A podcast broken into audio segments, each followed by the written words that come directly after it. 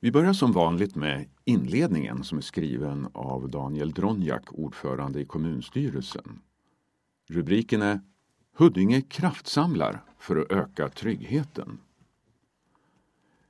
I Huddinge sätter vi trygghetsfrågorna högt på dagordningen.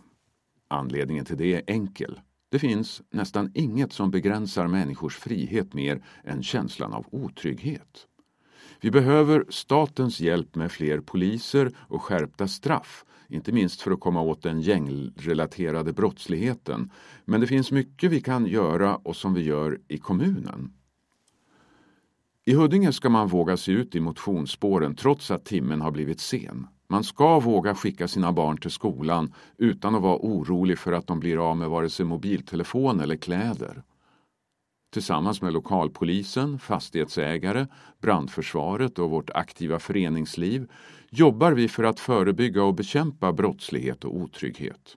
Man samlar in data, analyserar lägesbilden och kommer fram med insatser och åtgärder som är relevanta för den problematik som finns i Huddinge.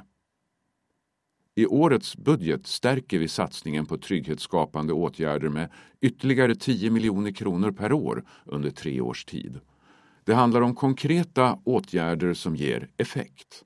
Allt ifrån pengar till fler trygghetskameror eller trygghetsvärdar i våra centrala områden till sociala åtgärder som lov och läxverksamhet för ungdomar, föräldrarådgivning och mobila fritidsledare. Vi jobbar mycket med utemiljöerna i Huddinge. De ska vara upplysta och trygga, fria från höga buskar och sly. Tillsammans med annat som är viktigt för tryggheten, en bra skola, meningsfulla aktiviteter på fritiden, kraftsamlar vi nu för att förebygga och bekämpa otrygghet. Och i rutan Bäst i Huddinge just nu så skriver Daniel Dronjak så här. Lokalpolisen i Huddinge som sliter för vår trygghet varje dag och som bidrog till att Vårbynätverket knäcktes.